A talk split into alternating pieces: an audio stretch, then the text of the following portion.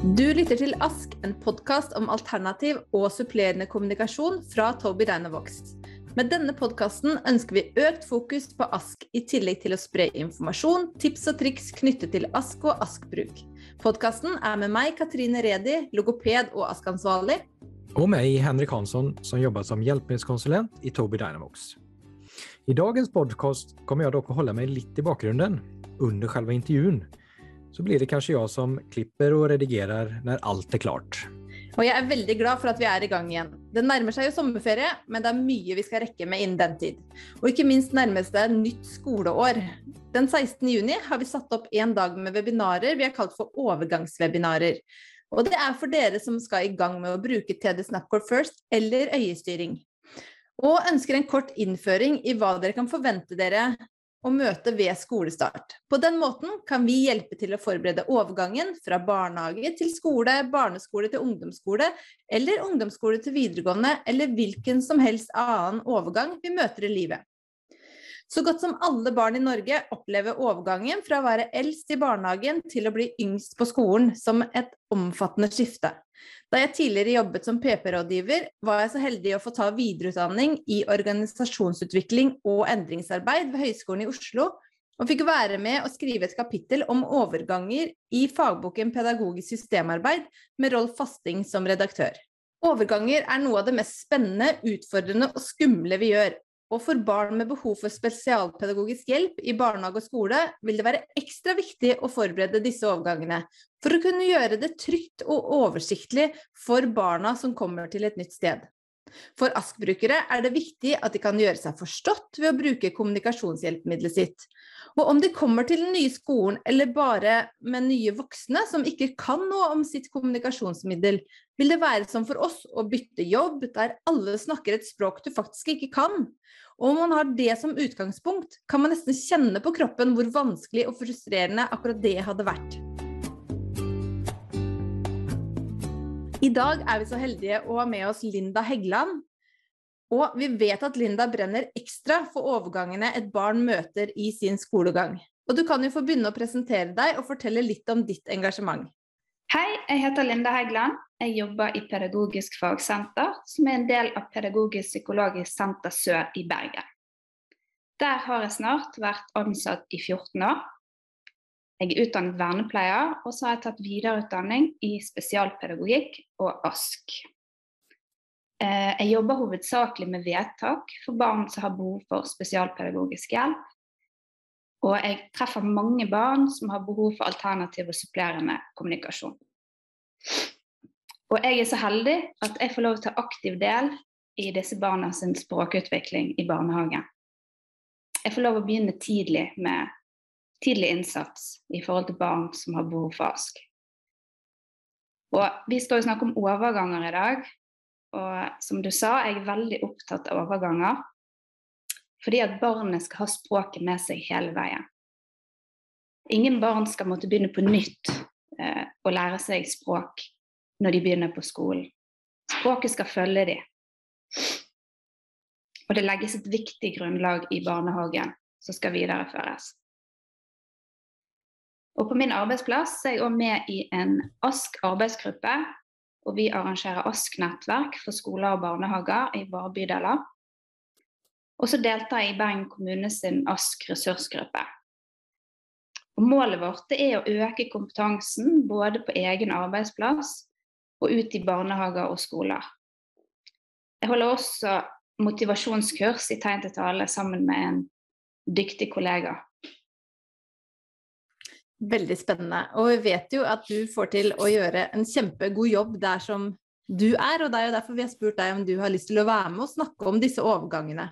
For det vi vet er jo at for å etablere ny kompetanse i kommuners barnehager og skoler, så blir det veldig viktig at flere enn den ene personen som jobber med overgangene, får del i den kunnskapen. At den nye kunnskapen og nye strukturer blir gjort tilgjengelig for barnehager og skoler, slik at de kan sette seg inn i prosedyrer og arbeidsmetoder, og at alle får tilgang på det. Men har du noen sånn direkte erfaring eller tips hvordan den enkelte kommune, barnehage eller skole kan få det her på plass og sikre at det skjer? For det høres jo ut som det kanskje er litt tilfeldig da, hvordan skoler og barnehager i ulike kommuner velger å gjøre det? Eh, vi opplever at ASK-kompetanse etterspørres i stor grad, kanskje spesielt i skolene. Og Da er det viktig at rektor og ledelse ved skolen prioriterer at ansatte får være med på nettverk, i tillegg til at de får delta på ulike kurs og få nødvendig opplæring. Og Der har vi veldig mange fine ressurser på nett, som f.eks. Statped sin e-læring, som gir grunnkompetanse i ASK. Og de fleste firmaene som har kommunikasjonshjelpemidler, som f.eks. dere, har masse webinarer som vi kan ta på nett når vi har tid. Så jeg mener, ressursene er jo der, men vi må vite om dem. Mm. Eh, vi hadde møte i går i ressursgruppen i Bergen. Og der snakket vi om hvor fantastisk det hadde vært hvis vi kunne hatt en ASK-utdannelse også i Bergen. For jeg kjenner til mange som ønsker å ta ASK videreutdannelse. Men sånn som det er nå, så er dette studiet kun på Universitetet i Sørøst-Norge. Og vi ønsker òg, i samarbeid med vår etat for spesialpedagogiske tjenester, at vi kan arrangere ASK fagdager for skoler og barnehager i Bergen. Det høres ut som en veldig god plan å kunne sette opp det. Hmm. ASK må forankres på ledernivå, både i PPT, fagsenter, skole og barnehage. Sånn at du har rammene på plass, og at det blir avsatt tid til kompetanseheving. Og jeg tenker at eh, som jeg nevnte den modellen som vi har i Bergen, så holder vi ASK-nettverk i alle bydelene for skoler og barnehager. Og jeg tenker at det er en måte å nå ut til mange som er der ute i feltet, og har barn, elever som bruker ulike former for ASK. Og i forhold til det med nettverk, så dette et, startet dette med et samarbeidsprosjekt mellom Statped og Bergen kommune etter at ASK-paragrafen kom inn i opplæringsloven. Og I nettverket så skal de som deltar, de skal få faglig påfyll i forhold til ASK. Og så er det dette med erfaringsdeling som kanskje noe av det aller viktigste. For eksempel så finnes det kanskje noen få barn som kommuniserer ved hjelp av en øyestyrt talemaskin. Og det at de som er rundt disse barna får møtes, får dele erfaringer, det er kanskje den aller viktigste læringen, tenker jeg. Absolutt. Det høres ut som er kjempeviktig for de som ja. er rundt, så ikke man føler seg så alene. Mm. Ja. Og dette halvåret så har vi hatt to ulike temaer på nettverkene. Det første nettverket det handlet om kartlegging av barn og elever som har behov for ASK. Og vi har hatt et nettverk om hvordan man søker på kommunikasjonshjelpemidler. Sånn at det blir litt sånn grunnleggende kunnskap som man trenger og i tillegg så har de fått snakke sammen og, og dele erfaringer rundt uh, disse temaene. Så Men er det her da en modell som dere i Bergen kommune har, eller er det, vet du om det fins overalt? Er det noe du tenker at det hadde vært en mulighet for å ha en felles modell å dele innad i organisasjonene, eller er det ikke sånn det er? Er det dere som har satt opp den modellen sjøl? Ja, altså dette er en modell som ble laget da, i samarbeid med Statped. Mm. Og jeg mener jo at dette er en, en veldig god måte å, å, jobbe på og få spre kunnskap eh, om ASK. Mm. Høres veldig bra ut. Så har vi òg hatt et digitalt nettverk. Vi ble jo litt gode på dette med det digitale under pandemien. Så vi har jo hatt et digitalt eh, nettverk for de som jobber med TD Snapco først i mm. Bergen. På hele Bergen. Og det har også vi fått lov å være med på. Ja, veldig, veldig bra. Ja, det er veldig fint. Mm. Så hvordan kan vi da få skoler og barnehager i kommunene til å bli bedre på de overgangene, hvis man ikke har modeller for da å løse de utfordringene? Har du noen tanker, noe som kan gjøre jobben enklere for den enkelte kommune, eller om det da er på barnehage- og skolenivå? Jeg tenker jo at et stikkord det er jo at det settes av nok tid eh, til samarbeid rundt disse overgangene.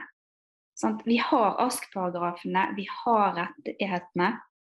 Og UDIR har klare retningslinjer i forhold til overganger for de som bruker ASK.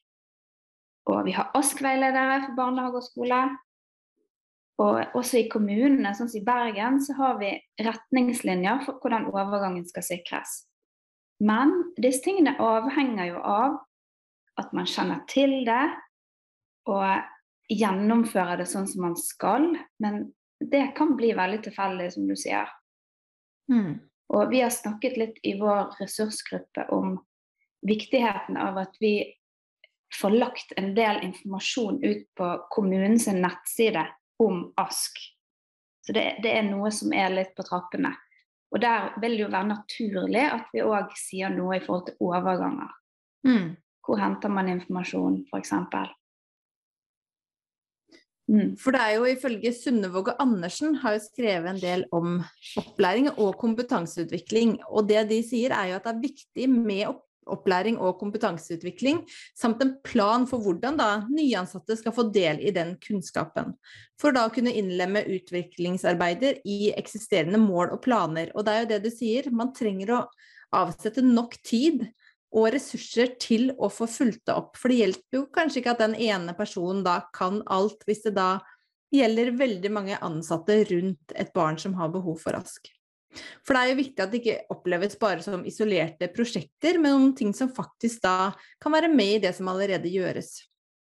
Og med erfaring fra eh, ulike samtaler med skoler og barnehager, så vet vi at det er veldig mange steder Eh, der personalet faktisk ikke er på plass før i august. Og det vil jo kunne gi noen utfordringer. For enkelte, som du sier, enkelte barn har behov for øyestyrte maskiner, og da trengs det jo litt kompetanse for da å kunne hjelpe til å bruke det.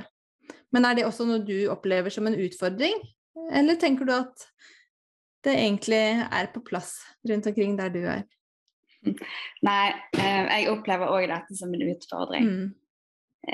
Og jeg føler ja, både barnehage og skole er jo pliktig til å samarbeide om overgangen. Det er jo mm. lovverket tydelig på. Men jeg opplever ofte at barnehagene sammen med gjerne PPT og spesialpedagog er klar. Mm. Eh, og, men skolen må i større grad sette av tid og ressurser til denne viktige overgangen. Mm. For Hvis man ikke gjør det, så vil ikke eleven ha mulighet til å bli møtt på sitt språk ved skolestart. Mm. Ja. Og den tilbakemeldingen får vi jo noen ganger, at de da jo, noen kommer og besøker i barnehagen og skal lære seg dette, og så er det kanskje da rektor eller assisterende rektor som kommer, som egentlig ikke kommer til å ha noe med det barnet å gjøre til høsten, men at det er noen som stiller opp da, fordi at ressursene ikke er på plass. Og det er jo i samtale spesielt med barnehager som skal gi fra seg barn til skolen, er de ofte veldig bekymra pedagoger og foreldre som kommer og forteller hvordan skal vi få til det her. Men vi har jo faktisk noen planer, som du sier. Vi har jo den veilederen som da heter Fra eldst til yngst, som er utgitt av Kunnskapsdepartementet. Og der står det jo at skolen må gjøre seg godt kjent med enkeltbarnet, ikke bare med diagnosen eller behovene for spesiell tilrettelegging, men faktisk da å bare bli kjent. At man kan vite hva som skal til for at det barnet skal ha mulighet til å utvikle seg videre. Og for dere som nå ikke kjenner den veilederen, så kan dere laste ned den gratis. Men har du et inntrykk at det er slik det foregår? Er det ofte opp til hver enkelt skole, selv om det er noen retningslinjer og eh, paragrafer om det her? Hvor tidlig bør man f.eks. starte? Er det, er det, opp til hver enkelt skole? Det er et godt spørsmål. Altså, eh, hvis man leser retningslinjene til UDIR, så mener de at vi skal starte planleggingen av overganger to år før barnet skal begynne på skolen. Um, min erfaring er at skoler kan være veldig gode på å tilrettelegge det fysiske miljøet i god tid. Dette skjer gjerne to år eh, i forveien for barn som har eh, fysiske funksjonshemninger. Men eh, tilrettelegging og kompetanse i forhold til ASK eh, blir ikke i samme grad prioritert. Og jeg mener at denne planleggingen av overgangen den bør starte i hvert fall et år i forveien med tanke på barn som har store behov i forhold til ASK. Mm. Men utfordringen er jo at som du sa i sted, skolene ofte ikke vet hvem som skal være kontaktlærer, spesialpedagog og gjerne assistent før langt utpå våren. Jeg opplever heldigvis ikke så ofte at de ikke er klare før i august. Eh, og jeg tenker jeg skulle ønske at det var mulig å gjøre noen endringer her på nasjonalt nivå. Sånn Mm. at det hadde vært likt for alle skoler. Mm. Sikre denne overgangen. Mm. Det, vi, vi kan ha så mange dokumenter og lovverk og, og, og retningslinjer, men teori er én ting, og praksis er en annen ting. Mm. Og som du sa, retningslinjer som sier to år før skolestart. Da står det noe der, mens i rammeplanen for barnehagene heter det at dersom det er behov for omfattende tilrettelegging, må samarbeidet etableres i god tid før barnet begynner på skolen. Og den god tid kan jo ofte tolkes, eh, og man kan jo legge hva man vil i hva det betyr. Men en tidlig start på samarbeidet før barnet begynner, gir jo skolen mulighet til å forberede seg og tilpasse seg barnets ulike forutsetninger og behov. Og det gjelder jo både kunnskap om forutsetninger, muligheter, behov for pedagogisk tilpasning, planlegging av personalressurser og tilrettelegging av det fysiske forholdet, som vi ser at de ofte er ganske gode på, for det vet jeg at det må på plass ramper og stellebord og alt det her. Det er mer sånn praktisk, som er enkelt å ordne opp i. Men et slikt samarbeid må jo ofte begynne mer enn et år før skolestart, så jeg tenker et år, det er vi jo sikkert ganske enige om da at det må til. Man trenger et år på seg for da at man skal ha alle de ressursene på plass. Og PP-tjenesten er jo sentral i en sånn forberedelse, og trenger å ha kunnskap om barnets behov og læringsmuligheter. Men som du sier, det er jo like viktig å få de ressursene i skolen på plass, så de som faktisk skal være med barnet, blir kjent med barnet og hva barnets behov er. Ikke bare da de praktiske delene av det, men spesielt da for kommunikasjonsdelen av det. Men hvem er det som tar det ansvaret rundt i kommunene, opplever du? Er det da ekstra utfordringer knytta til barn med behov for ASK? Er det da barnehagene som tar ansvaret? Er det PP-tjenesten? Er det skolen? Eller varierer det der også? Jeg tror nok det er litt ulik praksis fra kommune til kommune, og kanskje fra skole til skole. Og som jeg sa i sted, så opplever jeg ofte at det gjerne er barnehagen sammen med spesialpedagog, PPT og andre fagpersoner som f.eks. fysioterapeut, ergoterapeut, som først tar initiativ til samarbeid om overgangen. Mm. Og når jeg deltar i overganger, så samarbeider jo jeg tett med PPT og barnehage og disse andre fagpersonene. Og jeg vil si et veldig viktig dokument i denne overgangen, det er PPT sin sakkyndige vurdering. Og den bør være klar i god tid før skolestart. Og hvis den sakkyndige vurderingen følger UDIR sine retningslinjer, så sikrer man f.eks. at eleven sine ASK-behov kommer tydelig frem, hvilken kompetanse som trengs i skolen, hvordan språkmiljøet skal tilrettelegges, og hvor mye tid som må settes av til samarbeid og tilrettelegging. Og videre så er jo den sakkyndige vurderingen grunnlaget for vedtak om spesialundervisning, og det trenger jo mange som har store ASK-behov. Mm. Og da tenker jeg det også må sies at dette vedtaket kan foreldre klage på hvis de opplever at eh, det ikke gir et tilfredsstillende opplæringstilbud. Mm. Så PPT har en veldig viktig rolle Mm. i overgangen. Og videreføring av kunnskapen og kjennskap til barnet er jo det som trekkes fram som noe av det viktigste eh, for da å kunne få en god overgang, ifølge Kunnskapsdepartementet. Og det gjelder jo da uavhengig om det er da ASK-bruk, eller om det er et urolig barn, eller hvem det er, så er det jo den kunnskapen og kjennskapen til barnet som blir det viktige. Og som du sier, PP-tjenestens sakkyndige vurdering er jo veldig viktig i det arbeidet. Og For å sikre best mulig læring og utvikling, må jo skolen også få den kunnskapen om pedagogiske muligheter og den tilretteleggingen gjennom samarbeid med foreldre, barnehage og andre som kjenner barnet. For barn som bruker et alternativt kommunikasjonssystem, så vil det ofte være behov for at personalet i skolen får tid til å lære seg det systemet her i god tid før skolestart. Og det samme gjelder jo pedagogiske metoder eller andre metodiske tilnærminger som har vært brukt i barnehagen, eller som skal brukes på skolen. Og videreføring av pedagogikk og tilrettelegging gir trygghet for barna kan ofte være avgjørende for å få en god skolestart. At de faktisk kjenner igjen det som de da har brukt i barnehagen, eller det som de har brukt i barneskolen når de skal over til ungdomsskolen. Men har du noe mer du ønsker å ta opp for å hjelpe både bekymra foreldre og barnehagelærere og lærere som da skal enten gi fra seg eller ta imot et barn eller ungdom med behov for spesialpedagogisk hjelp? Det er veldig viktig å huske at foreldre må ha en sentral rolle i overgangen. Det er de som kjenner barnet sitt best, og det er de som skal følge barnet gjennom alle overgangene. Jeg tenker at det er viktig å ha gode samarbeidsmøter hvor man lager en plan for overgangen med tydelig ansvarsfordeling. Og Hvis barnet har en individuell plan, så kan det òg være et nyttig verktøy i overgangen. For Den planen skal jo følge hele veien. Og jeg vil si Dette med hospitering det har jeg veldig god erfaring med. At barnet får komme på besøk på skolen, og de som skal være sammen med barnet, kommer på besøk i barnehagen. Og ikke bare ett besøk, men flere besøk. Det er viktig at at de ser barnet i sine naturlige, trygge omgivelser, og kan se hvordan bruker, hvordan kommuniserer dette barnet. Sant? Hvordan bruker barnet språket sitt. Og Det er ikke så lett å bare lese seg til, det, det må du rett og slett erfare. Og det vil gi en trygghet eh, både for barnet selv, for foreldre og for de som skal møte barnet i skolen.